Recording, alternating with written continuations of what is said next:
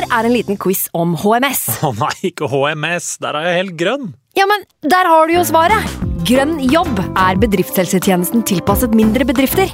Våre HMS-eksperter hjelper mer enn 8000 bedrifter over hele Norge med alt fra lovpålagte HMS-krav til pålegg fra Arbeidstilsynet. Få på plass bedriftshelsetjeneste på grønnjobb.no.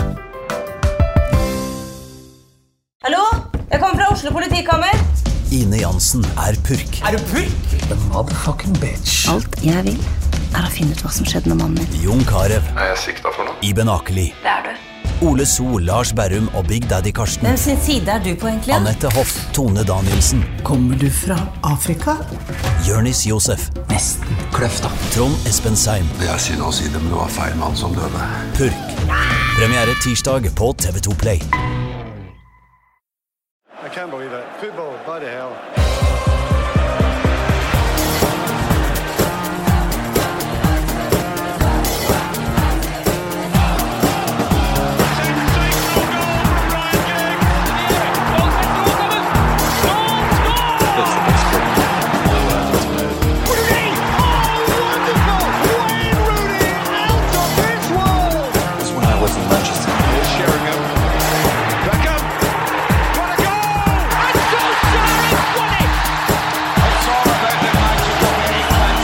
Ungdommen, altså. Hva skulle vi ha gjort uten ungdommen?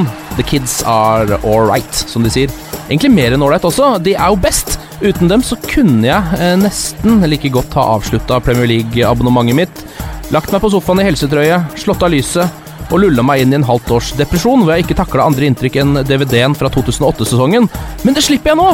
Fordi på gamle, legendariske, rørte sir Bobby 78 sin dag så ser vi dette her. En nydelig såleflikk fra sir Rashford 18 til sir Fosumensa 18 til monsieur Martial 20. Og da er det fortsatt gnist i hjertet. United We Podcast. Velkommen så mye alle sammen til United We Podcast. Og dette her er ukas meny. Mannen over menn. Arne Skeie, legenden, er på besøk. Vi skal høre om hans eh, kjærlighet til eh, klubben vår. Nok en 1-0-seier, da United så vidt eh, klarte å holde skuta på rett kjøl mot Everton på Old Trafford. Og kan United ødelegge Tottenhams tittelhopp til helga? Mitt navn er Ken Vasenius Nilsen, og denne uka her i United We Podcast så har jeg med meg Martin Jøndal, VGTV-sjef, nybakt tobarnsfar. Grattis! Takk, takk. Fortsatt tid til United oppi ammetåka, som de kaller det, eller? Jeg rydder, rydder plass til uh, å se kampene. Uh, litt mindre tid i ryktespaltene på Twitter, uh, det må jeg innrømme, men, men matchen, den ser jeg. Matchene ser jeg. Du har jo eh, for vane å dra over og se kamp også. Ja, eh, det har blitt noen turer opp gjennom åra. eh, 50-60 matcher. Så må alltid over og se United en eh, tre, fire, fem, seks, sju, åtte ganger i året. Når var første forrige gang eh, du var der? Forrige gang var nå Liverpool borte, Mm. eh, så jeg fikk med både Newcastle på onsdagen, eh, 3-3. Bittert eh, med Newcastle mot slutten der, Ja. men desto deiligere å se Rooney avgjøre på Anfield. God stemning. Jeg lurer litt på det der, siden du har vært på bortekamper.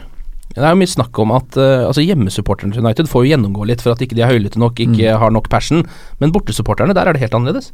Ja, altså jeg, Når du har reist mye så, øh, og vært på Old Trafford x antall ganger, så, så har det i hvert fall vært sånn for min del at øh, øh, at jeg syns det er nesten gøyere å reise på bortekampene. Uh, da er det 3000-4000 av de absolutt øh, galeste og mest engasjerte United-supporterne som, som ser kampen. Og du står gjennom hele matchen, og det er konstant øh, stemning og synging.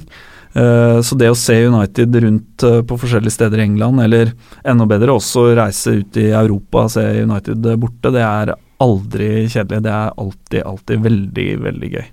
Men eh, eh, du har jo også vært på Old Trafford og sett kamper der. Mm. Eh, Hvordan er det, er det liksom eh, Er det suggererende nok eh, å være der, eller Ja, er, stemmer disse ryktene som går om at det er litt slapt? Nei, altså det er, det er alltid veldig veldig gøy å dra på Old Trafford også, fortsatt. eh, Jeg tror det har litt med liksom tidspunktet Det kan ha noe med tidspunktet på dagen. En tidlig, tidlig match eh, klokka ett, eh, der, eller to, der ingen har rukket å varme opp godt på puben. Kan bli litt flatt, da. Eh, Men med en gang flomlyset kommer på og det Champions League-hymnen spilles, så koker det på, Old Trafford til maks.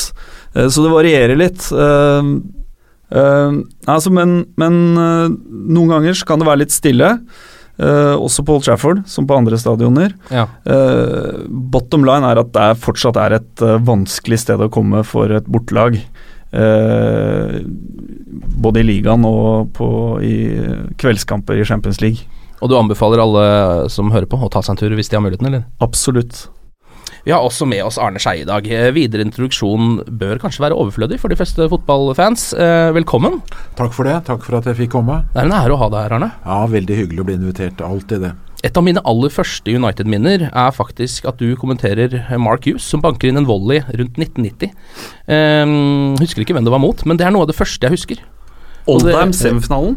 Ja, kan det være det? Ja, det kan, kan være det. Jeg husker jo når det gjelder Mark Hughes, så husker jeg han banka inn en volley mot uh, Chelsea på Stamford Bridge midt på 80-tallet. En fantastisk scoring, men akkurat den tar jeg vel ikke sånn i farten. Men uh, jeg har ganske, ganske mange minner om Manchester United.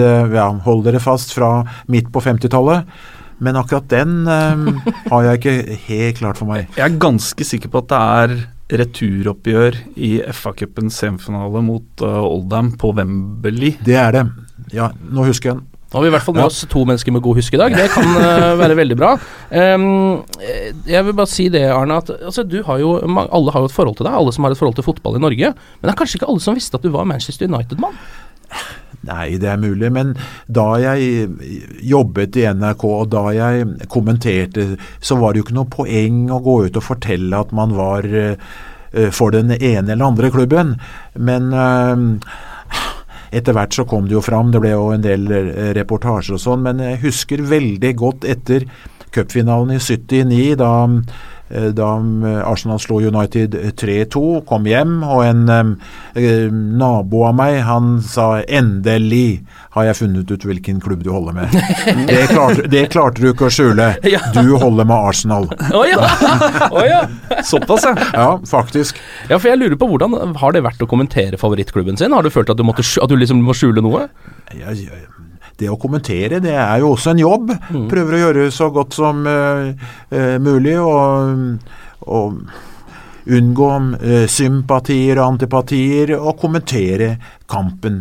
Selvfølgelig eh, har det bestandig vært morsomt når jeg har kommentert, når United har vunnet, men først og fremst var det en jobb, og så fikk eh, privatlivet og United i privatlivet florere, florere andre steder enn på mm. lufta for NRK. Men, men det, jeg må si, det var, det var kjent også på 80-tallet at du, du, du var United-mann, fordi jeg har en liten sånn skeiehistorie. Ja, eh, det vil si, ikke jeg, faren min har en uh, skeiehistorie. Uh, og det er uh, Faren min er stor United-fan, han også. Delvis grunn, eller mye av grunnen til at jeg også uh, er, er, rød. og jeg husker Han fortalte meg en gang at um, United hadde slått, um, slått um, Vi hadde vått, vunnet mot Barcelona på Old Trafford i kvartfinalen i cupvinnercupen i 83, tror jeg. og på det tidspunktet så var det sånn at det, var, det fantes ikke noe Google, det fantes ikke noen nettsider. Så når mm. faren min og kompisen satt og skulle planlegge hvordan, eh, hvordan er det vi skal få sett finalen hvis United går hele veien, eh, da var det egentlig bare én ting å gjøre, og da, da ringte de Arne Skeie. eh, en lørdag eh, der de ringer deg for å finne ut hvilken by er det finalen eh, i cupvinnercupen går. Eh, og Fatters beskrev det som at han, de ringer, uh, finner, finner, nummeret, ringer Arne, og beklager først at de ringer og forstyrrer deg på en, på en lørdag om et, et spørsmål om, om United. hvorpå ditt svar da er at det er aldri feil tidspunkt å diskutere United. og så vet jeg ikke om altså United røyk jo mot Juventus i semien det året, så det ble aldri noen finale, men men eh, fatters liker å fortelle den, den, historien. Ja, jeg må jo si at jeg har hatt veldig mange hyggelige mm, telefonsamtaler opp gjennom årene. Det skal ikke underslås. Mm. Men etter hvert så likte jeg ikke å ha dem um, om natta før cupfinalen. det, det gjorde jeg ikke. Så en periode hadde jeg, jeg må innrømme det, hadde jeg hemmelige telefonnummer. Men de telefonene som kom gjennom, de var veldig, veldig hyggelige. Og det, det var folk med passion Ja. for idretten som ringte, og det var jo kanskje det aller hyggeligste. Man skal vite det, de yngste av våre lyttere, at før Google så var det Arne Skeie som var Google. Ja. så da måtte man ringe til han hvis man ville finne ut av sånne ting. Eh, men du som har vært eh, fan siden 50-tallet, eh, klarer du å trekke fram et, et minne, som står, et United-minne som står sterkere enn de øvrige? Ett er jo veldig, veldig vanskelig, men eh, kanskje finalen mot Leicester i 63. Det var en periode slik at det så, så ut som United kunne rase ned fra divisjonen. Greide seg. Leicester var favoritter, men United vant på Wembley. Det var, det var ganske stort i vennekretsen. For på den tiden, de fleste vennene jeg hadde da, de var innbarket Tottenham-supportere. Mm. Hva er det som eh, Altså, når man har eh, hatt såpass passion, som du sier, da, for fotball såpass lenge, hva var det som gjorde at det ble United? Det er jo en lang historie. Jeg tror kanskje det var eh, eh, idrettsavisa, sportsavisen Sportsmannen på 50-tallet, som hadde eh, to utgaver i uka, mandag og torsdag, og hadde mye engelsk fotball. Var den avisa som hadde mest engelsk fotball. og så ble vel forelska i det laget, og så ble jo dette selvfølgelig veldig forsterket med finaletap i cupen mot Aston Villa i 57, da keeperen ble eh, løpt i senk av McFarlane, og, og ulykken i 58, Mm. og etter det så eh, bare ballet det på seg. Og det var jo selvfølgelig da fra 58 og ja, nevnte 63 og utover de første årene på 60-tallet ganske tungt å være United-supporter. De fleste de holdt jo med laget som var inn, og det var jo Tottenham. Mm. Nå er vi jo tilbake der igjen, at det er bitte lite grann tungt igjen uh, å være United-supporter. Uh, men det var ikke så veldig tungt uh, i helga. Eh, vi kan jo begynne med det. Kampen mot Everton. Seier 1-0 på Old Trafford. Um, Martin, um, er det noe vi så som kan tyde på at vi er litt på rett kjøl, eller? Altså Jeg syns ikke det var noe overbevisende seier, for å ta det, ta det først. Det var jo til og med Altså Til og med Fangal var vel, sa jo det post match at, eh, at dette var en dårlig, dårlig kamp. Mm, av positive ting Jeg syns igjen altså selvfølgelig DGA, årets spiller eh, eh, i min bok, uh, leverte, leverte bra. Midtforsvaret, blindt uh, syns jeg også var god. Jeg frykta jo Lukaku, Ja. uh, Blindt-duellen. Eh, Lukaku er større, sterkere og raskere, eh, men eh, han håndterte det håndterte Lukaku bra. Brukte smartnessen sin, som er vel den, Ja. det fortrinnet han har. Og, og mm, han ble vel også henta Eller Smalling var ute nå denne uka her og, og, og meldte at Blindt hadde fått, fått ufortjent uh, ufortjent, ufortjent PS. Uh, kan være litt enig i det. Uh, og så er det selvfølgelig Martial som er også et stort lyspunkt denne sesongen her. Uh, han var jo et uh, Han var jo avgjørende nå på, på søndag. Det var jo også han som satte inn eh, målet som eh, gjør at United ble det første laget som skåret 1000 mål på hjemmebane i Premier League, her han. Er Jeg må, jo- jeg må jo si at jeg var helt enig. Altså Keeperen er jo fantastisk. Får bare håpe at uh, han blir i United og ikke det blir noe tur til, uh, tilbake til uh, Spania. Midtforsvaret bra, og målskåreren. Det er også min beholdning. I tillegg så syns jeg nå, i motsetning til i begynnelsen av sesongen, at det går mye fortere og mye bedre i lengderetning. Og det blir ikke så mange tversoverpasninger, så mange støttepasninger. Det er mye å sette fingeren på fortsatt, men på de par-tre første kampene så var det jo bare eh, to, tre, fire sjanser. Mm. Er det noe du eh, som har fulgt med såpass lenge, Arne, savner i dagens United-utgave? Jeg tror jo med, ved en eventuelt ny manager så, eh, så, så, så savner jeg selvfølgelig eh, det jeg var indirekte inne på, øh, gjennombruddene. Mm. Det har blitt for mye stilleståing, det har blitt for mye balltrilling. Og jeg tror vel også en ny manager kommer til å forsterke Etter min mening så vil jeg ha forsterkninger i alle ledd. Mm. For det er, det er, hele tiden Du skal framover, du skal fornye laget, og da må du ha uh, bedre spill spillere. Det, det, som også gleder meg nå, det er jo at uh, tradisjonen helt tilbake fra 1930-tallet, ja, at, at, United får fram spillere, får fram unge spillere, det er gledelig. Men om disse unge spillerne som har fått, fått prøve seg nå, holder når det kommer en ny manager og United igjen skal være det beste laget i England og i Europa, det tviler jeg kanskje litt på. Mm, mm. Jeg vet ikke, Martin, har du, har du, hvordan er din tillit til van Gaal for tiden? Uh, det går litt opp og ned for ja, hver kamp. Det, det, det, varierer jo litt fra uke til uke, men, men det er klart uh, Altså Min holdning til, til van Gaal er vel uh,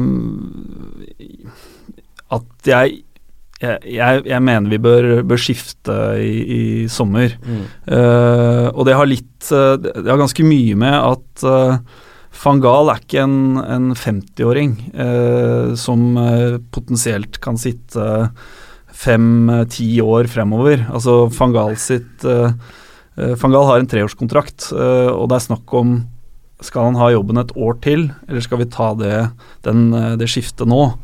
Uh, I likhet med Arne så savner jeg et mer direkte United, uh, som er mer direkte i spillestilen. Uh, og så kan man si hvis vi skal kvitte oss med van Gaal, hva da? Og da er det jo selvfølgelig den evige diskusjonen Giggs versus Mourinho. Ja. men, men, men jeg, er, jeg er, er, der, og konkluderte vel en gang over jul på at uh, jeg mener det er riktig å bytte ut uh, van Gaal til sommeren. Du Arne har jo sett managere komme og gå, du også? Ja, jeg har sett veldig mange komme og gå i, i mange klubber. Nå kan jo denne sesongen bli likevel relativt bra. Det kan bli, det kan bli cupmesterskap, det kan bli plass i Champions League neste sesong.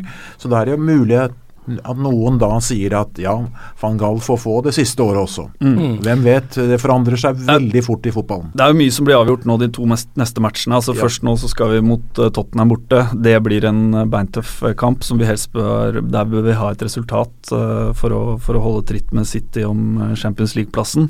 Og så skal vi ut i en omkamp borte mot Westham. det blir også en, en veldig, veldig tøff, tøff match. Eh, så mm, ja, jeg tror, eh, som Arne sier, hvis, eh, hvis, vi får resultater i de to kampene og går til en finale på, på Wembley og, og claimer en Champions League-spot, så ser det bildet plutselig annerledes mm. ut. Og så er spørsmålet da vil, vil, eh, vil styret gi Fangal da et år til for å, for å legge forhold til rette for at Giggs skal inn i jobben, eh, eller tar man, eh, tar man likevel eh, og, og, bytter nå? Mm. Det, ja. Men tar du det for gitt at Giggs skal inn i jobben? Nei, altså hvis vi gjør det skiftet nå i sommer, så, så tror, jeg, tror, jeg, nok ikke det. Eh, da tror jeg vi må se etter noe mer uh, erfaring. Uh, og da er det jo Mourinho som, som er en solklar kandidat. Uh, skulle han derimot få lov til å fullføre den treårskontrakten, så vil jo ting avhenge av hvordan, hvordan, vi gjør det neste år. Mm. hjertet sier jo at Giggs mm. er en, en, bra mann og en kontinuitetsbærer. Mens, eh, mens, hjernen eh, heller vel mot at han har for lite erfaring, og at vi trenger en mann som, som eh, er en vinner på det nivået. Nå skal jeg ikke trekke inn for mye historie, men dette minner meg litt om den situasjonen vi hadde på på 60-tallet, da alle sa det samme om Wilf McInnes. Ja. Det kan ikke være en bedre manager enn Wilf McInnes, og det varte ett og et halvt år. Ikke sant. Før kampen mot Everton så kom jo en veldig eh, rørt eh, mann, eh, Bobby Charlton, eh, ut på Old Trafford og mottok hyllesten, og fikk da åpna en ny eh, Bobby Charlton-stand på Old Trafford. Mm. Kanskje du kan forklare for de litt eh, yngre hva han har betydd for klubben? Ja, han har betydd veldig, veldig mye. En kontinuitetsbærer. Ja, det, i år så er det jo 60 år siden han debuterte på førstelaget pussig nok mot Charlton. Bobby Charlton eh, debuterte mot, eh, mot Charlton. Var med på det tapende laget i FA Cup-finalen i 57. Var med på ulykken i München. Ble reddet ut av vraket av keeperen Harry Gregg. Kom tilbake, spilte finalen i 58 mot, mot Bolton. Eh, debuterte på landslaget, var med i troppen til England, til Sverige, fikk riktignok ikke spille i 58. Vært med i fire VM-sluttspill, og fra, eh, fra 58 og utover eh, så hadde det ikke vært det samme United uten Bobby Charlton. Han var han, som jeg sa, kontinuitetsbæreren, og det ga stadig vekk resultater med seier i cupen i 63, ligaen 65-67. Fantastisk eh, spiller. Eh, etter min mening, selv om Bobby Moore ble kåret til bestemann i VM i 66, så var eh, Bobby Charlton den store spiller også da. Og så da 68 Europacup-triumfen og det hele. Og 70 var jo hans siste VM, og det er vel ikke bare jeg som mener at Eh, Alf Ramsey gjorde en stor tabbe i kampen mot eh, Vest-Tyskland, da England ledet, at han tok ut Bobby Charlton for å hvile han og satte inn Colin Bell. Og alle vet jo hvordan det gikk. Tyskland snudde 2-0 Englands ledelse til en seier 3-2. Så Bobby Charlton, fantastisk, og etterpå inn i, i direktørrollen. Og alle som kjenner Bobby Charlton, sier jo at han er gentleman over alle gentlemen. Og det er jo morsomt da at han uh, står der utenfor sammen med de to andre, Dennis Law og George Best, på, på statue utenfor Old Trafford. En fantastisk fyr. Ja, altså Bobby Charlton Jeg skulle bare følge opp Arne. Og altså Det spesielle med han for meg, som aldri har sett han spille eller uh, altså Jeg har sett klipp, men jeg har aldri sett han live av naturlige årsaker. Født i 1980. Mm. Uh, men han er likevel en, en, rød tråd fra dagens United til The Busby Babes. Uh, og en, en, ting, eller en, en viktig del av Uniteds historie som han, som han kanskje ikke får nok kred for, det er jo hvordan han fighta for Sir Alex når Sir Alex var i ferd med å miste jobben på, i 1990. Eh, da var jo Bobby eh, tydelig på at, eh, på at han burde få fortsette. og historien i kjølvannet av det kjenner jo de fleste, også lytterne av denne mm. podkasten. Så der, der, jeg tipper at av enkelthendelser så er kanskje det er noe av det viktigste han har gjort eh, som Manchester United-mann. Og så er det viktig, som jeg bestandig stresser, at i styrene så bør det være en fotballmann. Og er det noen som uh, har levd med United og fotballen siden han kom i 1953 fra uh, Nordøst-England, så er det jo Bobby Charlton. Mm. Han er jo fortsatt en uh, viktig figur i United. Det var jo han som visstnok viste van Gaal rundt på Old Trafford da han kom. Mm. Um, så han får jo fortsatt liksom Han har jo en sånn slags sånn ambassadørrolle som fortsatt er viktig i klubben. Det er jo det er fortsatt litt sånn usikkert uh, i hvilken grad uh, det styret sir Bobby, Bobby Charlton og sir Alex tilhører, i hvilken grad har de innflytelse uh, på, på, driften av mm. klubben, og da særlig ansettelsen av en eventuell ny manager. du har jo Ed Woodward og disse Glacier-folka som sitter i i ett uh, styre. Og så har du et, uh, et fotballstyre eh, som består av bl.a. Bobby Charlton og sir Alex og en del andre figurer som har vært med klubben lenge.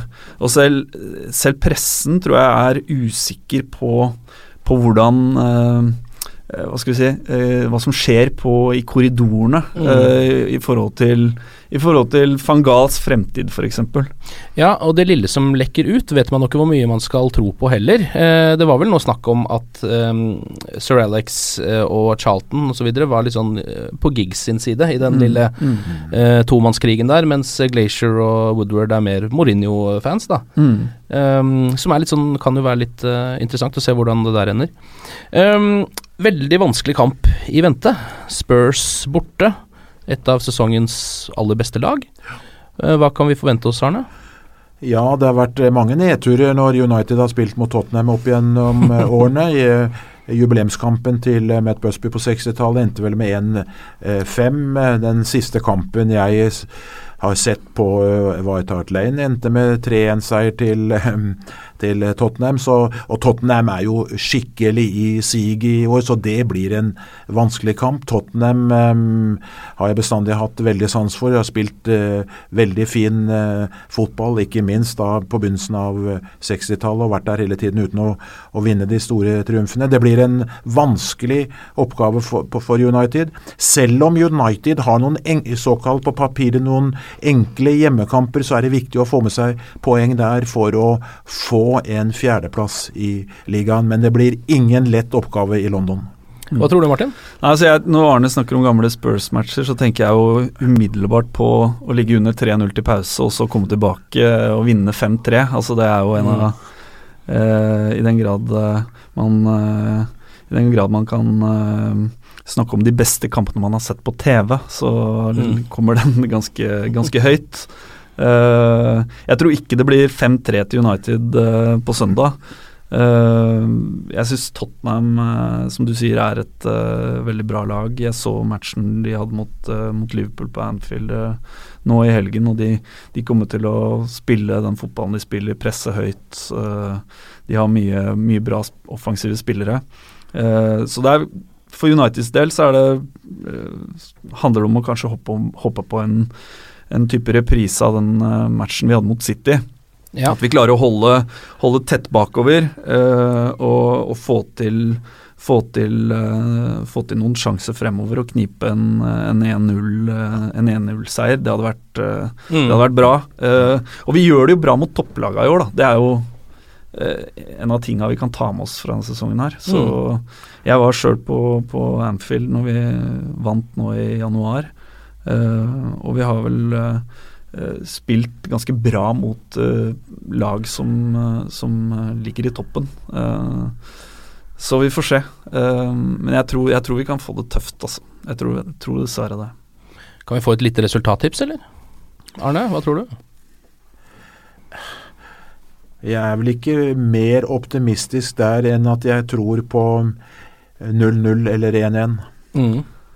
Ja, Da får jeg backe, backe, mm, det at jeg håper på en reprise av eh, City borte. Så 0-1 til United og en ny scoring fra Rashford hadde ikke vært feil.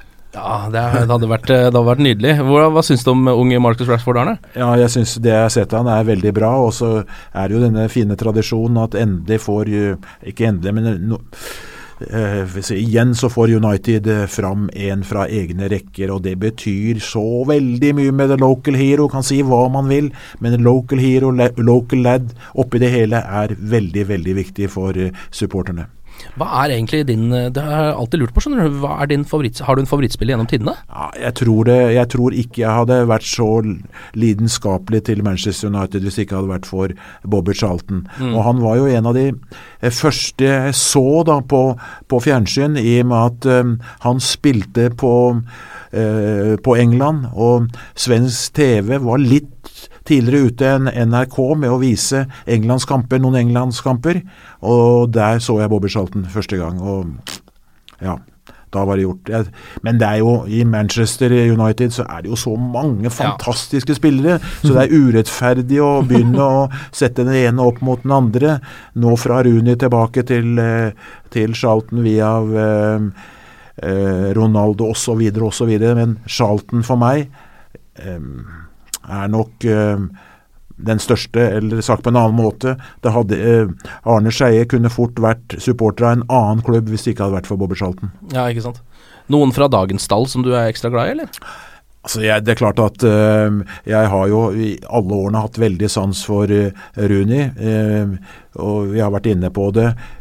har jo en keeper nå som vel overgår de fleste som har stått i mål for Manchester United. Og det er morsomt å se da eh, utviklingen til eh, ja, f.eks. Eh, Smalling. Mm.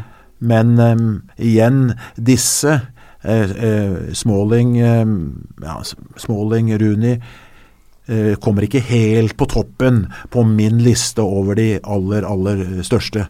Det er klart Når vi har hatt Ronaldo der i alle årene Nå så jeg rykter i dag om at eh, det kan være mulig at han kommer tilbake til Manchester United. Ja. Eh, så mm, Men vi begynte med Charlton, og vi, vi slutter med, med, med Charlton. Når vi først er inne på Ronaldo, Martin. Eh, Mm. Har du noe troa der, eller? På at eh, en av verdens beste fotballspillere kommer tilbake til Old Trafford? På et tidspunkt? Altså Det hadde vært uh, Det hadde vært fantastisk romantisk hvis han kom tilbake. Eh, United-fansen synger jo fortsatt uh, om Ronaldo på, på enkelte bortematcher. Hvor gammel er han nå? 31? 32? Ja, det er vel noe sånt, ja. Ja, Så spørsmålet er til hvilken pris, og hva, hvor mye fotball er det igjen i mannen. Uh, han, han ser jo bra ut. Senest Ja, ut, bildet i garderoben uh, etter at de hadde Etter slått Barcelona. Og, ja. Så, så fysisk sett, hvis Ole Erna Bjørndalen kan holde på med skiskyting fortsatt, kan sikkert Ronaldo klemme tre-fire sesonger til ut av kroppen. Så er jo dette, Eh. eh, så er dette en kommersverden blitt, og skal jo kanskje ikke se, uten at jeg kjenner til det, skal jo ikke se bort fra at hvis Real Madrid selger ham, så kan de jo nå plutselig få ganske mye penger, i den grad eh, de vil Mm. sende, selge en av verdens aller, aller beste. Det, Ja, og, det er, og det er spørsmålet, ikke sant. Hvor mye penger skal man betale for en Ronaldo på, på 31 år, eh, kontra å bruke de penga på en spiller i, som Mm. er seks, sju, åtte år yngre. Eh, personlig så hadde jeg faktisk eh, heller sett eh, Bale eh, i den gamle trøya til Giggs. Mm. Eh, han, eh, han er 26 eller noe sånt nå, 27 kanskje. Uh, og vi burde jo selvsagt ha kjøpt han for når, den sommeren han gikk til eh, Real Madrid. Det skjedde ikke. Uh, men igjen Jeg tar Ronaldo eh, hvis vi kan få han. Absolutt. Ja, det er bra at vi ikke har Altså, vi fortsatt er så ydmyke, vi United-fans, at vi kan godt ta Ronaldo. Eh, vi kan godt gjøre det. Det, det er greit. ja, det er helt ålreit. Skal vi gå videre? Vi er jo i gang med å sette opp en historisk drømmeelver. United eh, startoppstilling. Vi har funnet en keeper. Det ble Peter Schmeichel. Vi har funnet en høyrebekk. Det blir Gary Neville. Ikke så veldig overraskende foreløpig. Nå tenkte jeg vi kunne ta venstrebekk, jeg. Er det noen kandidater? Det er mange kandidater, og det er litt spørsmål um, hvordan man ser uh, laget. Jeg vet ikke uh, Martin hva han sier, men hvis du går tilbake, altså den tiden jeg har fulgt med, så er det den første kandidaten, Roger Byrne, kapteinen for United inntil uh, den tragiske ulykken i München. Eh, så, så kommer vel ikke kapteinen på 63-laget eh, Noel Cantwell opp her, vil jeg tro. Eh, men for å det, fra, ta det fra den andre kanten, så har vi jo Vi har Evra. eh, vi har Øvin. Vi har eh, Phil Neville. eh, vi har Arthur Albeston, som jo tross alt vant to cupfinaler.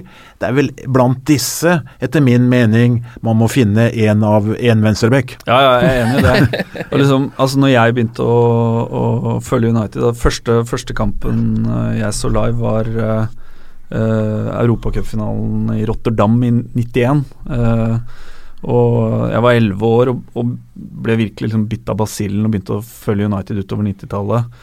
Uh, og da så i min, i min United-karriere så er det jo Nev nei, Neville, sier jeg, Irvin, som, som Ja. står fram. Uh, han, uh, han var uh, god både defensivt og offensivt. Han skåra frisparkmål.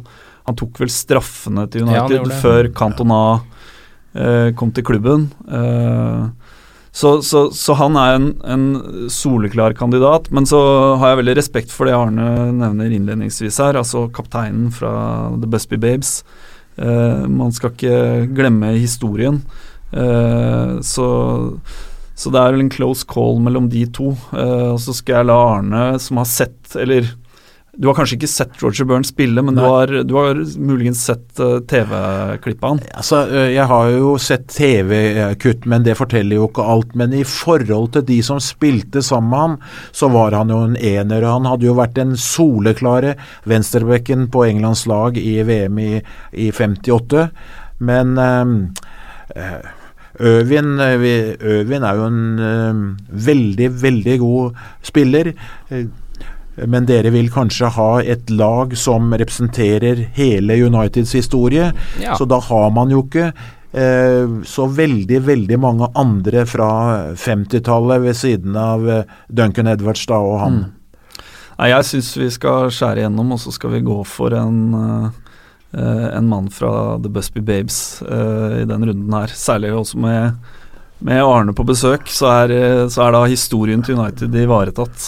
Nei, det er den vel ikke, men det var jo en jeg, en jeg leste veldig mye om og hadde eh, veldig sans for. Og det virket jo som han, eh, ja, kaptein for United, spilte på England, fast på England, så det er klart at uh, han var en av de store spillerne på 50-tallet. Det er det ingen tvil om. Jeg tror vi sier Roger Byrne, ja. Er Uniteds øhm, historisk eh, drømmeelver venstreback, så har vi eh, fått med oss øhm, Fått med oss noe av det som som er eh, litt for langt tilbake, som vi kan huske. Ja, og takket være deg. Nei, ikke takket være meg, men når du ser de tre spillerne som nå da er, dere har nominert, så har du jo fra jeg holdt på å si fra vår tid, både Schmeichel og, og Neville. Og da er det jo ikke så gærent med en som eh, er fra det store eh, Busby-laget på 50-tallet. Det tror jeg er eh, helt riktig. Vi går for Roger Byrne. Um, og så rekker vi ikke så kjempemye uh, mer uh, her i dagens United with podcast. Vi uh, må be alle om, hvis dere er inne på iTunes og laster det ned, så går det an å anmelde programmet der inne. Og det liker vi veldig godt, fordi selv om dere syns det er bra eller dårlig, så leser vi alt og kan forbedre oss, og ingenting er jo bedre enn det. Glory, glory!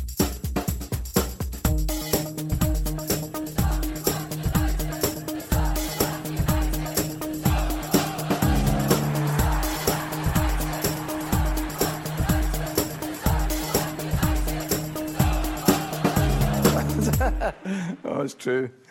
I've seen many things.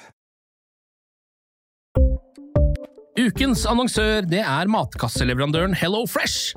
Der kan du velge mellom 25 ulike oppskrifter hver uke, eller få Hello Fresh til å sette sammen en meny for deg. Jeg sparer tid på å handle, oppskriftene er veldig enkle å lage, og så får jeg akkurat det jeg trenger da, til hver eneste rett, så jeg slipper å kaste så mye mat som jeg vanligvis gjør. Det er også litt deilig å faktisk slippe å gå på butikken, ikke bare fordi det er tidkrevende og sånn, men fordi man ender opp med å kjøpe så mye greier som man egentlig ikke trenger, sånn som fire poser eh, Smash og en kick med havsalt, eksempel. Det er ikke det du egentlig er der for, du er der for å kjøpe, kjøpe middag. Så det er en veldig eh, kjekk ting. I tillegg så er det jo eh, ferdigporsjonerte ingredienser, det blir mindre matsvinn, og du betaler bare for det du faktisk trenger, og det du faktisk da spiser. I tillegg så blir det da levert på døra til et eh, fastsatt tidspunkt, sånn at du kan få det akkurat når det passer for deg eh, sjæl. Hvis HelloFresh høres ut som noe for deg, så har jeg en rabattkode du kan bruke også. Gå inn på hellofresh.no og bruk koden HelloUnited24. HelloUnited i ett ord, også 24, og få opptil 1779 kroner i rabatt på de fem første matkassene dine hvis du ikke har prøvd Hello Fresh ennå. Du kan også bruke koden hvis du tidligere har vært kunde, men har stoppa abonnementet ditt for tolv måneder siden eller mer. Det er ingen bindingstid, og du kan pause eller avslutte abonnementet ditt akkurat når du selv måtte ønske. Husk koden HelloUnited24, og bon appétit! Ukens annonsør er Folio, en smartere banktjeneste for deg som har en egen bedrift eller ønsker å starte for deg selv. Folio er en superenkel nettbank for bedrifter. Som kunde i Folio får du en bedriftskonto med et bedriftskort og app. I denne appen er det smarte løsninger som forenkler regnskapet ditt, uansett om du har en liten bedrift eller et enkeltpersonsforetak. Folio er både intuitivt og brukervennlig, og er laget med et enkelt språk. I tillegg tilbyr de forutsigbare priser og ingen skjulte gebyrer. Skulle du likevel trenge det, så kan du snakke med deres raske og hyggelige kundeservice, og der får du prate med en faktisk person og ikke en chatbot. Folio er med andre ord både enklere og koseligere enn banken. Over 10 000 bedrifter har allerede valgt Folio som sin banktjeneste, så besøk folio.no og se hvordan Folio kan forenkle din hverdag også. Har du et enkeltpersonforetak eller en liten bedrift? Da er du sikkert lei av å høre meg snakke om hvor enkelt det er med kvitteringer og bilag i fiken, så vi eh, gir oss her, vi. Fordi vi liker enkelt. Fiken superenkelt regnskap.